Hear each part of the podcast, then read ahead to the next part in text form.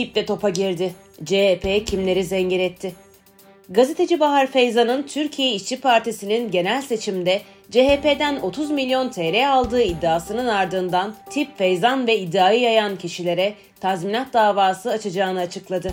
Gazeteci Bahar Feyzan kendi internet sitesinde yayımladığı yazısında Türkiye ve dünyanın %99'unun işçi olduğunu savunan Erkan Baş, varlık sebebimiz eşit yurttaş olarak yaşayacağımız bir ülke ve dünya hayali için mücadele etmek demişti.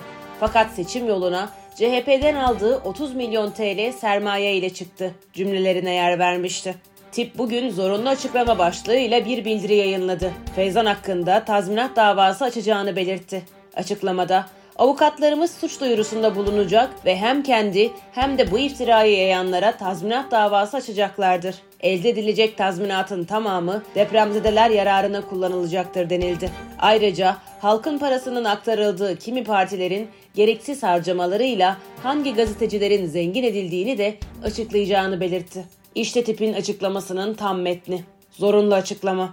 Bahar Feyzan adlı kişinin partimizin seçim döneminde CHP'den 30 milyon TL aldığına dönük iftirası hakkında parti avukatlarımız suç duyurusunda bulunacak ve hem kendisine maddi tazminat davası açılacaktır.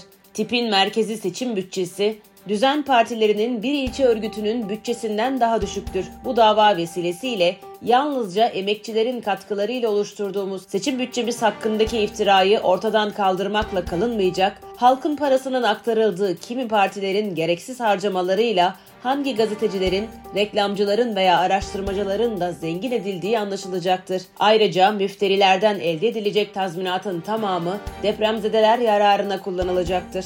Kamuoyuna saygıyla duyururuz. Tip Basın Bürosu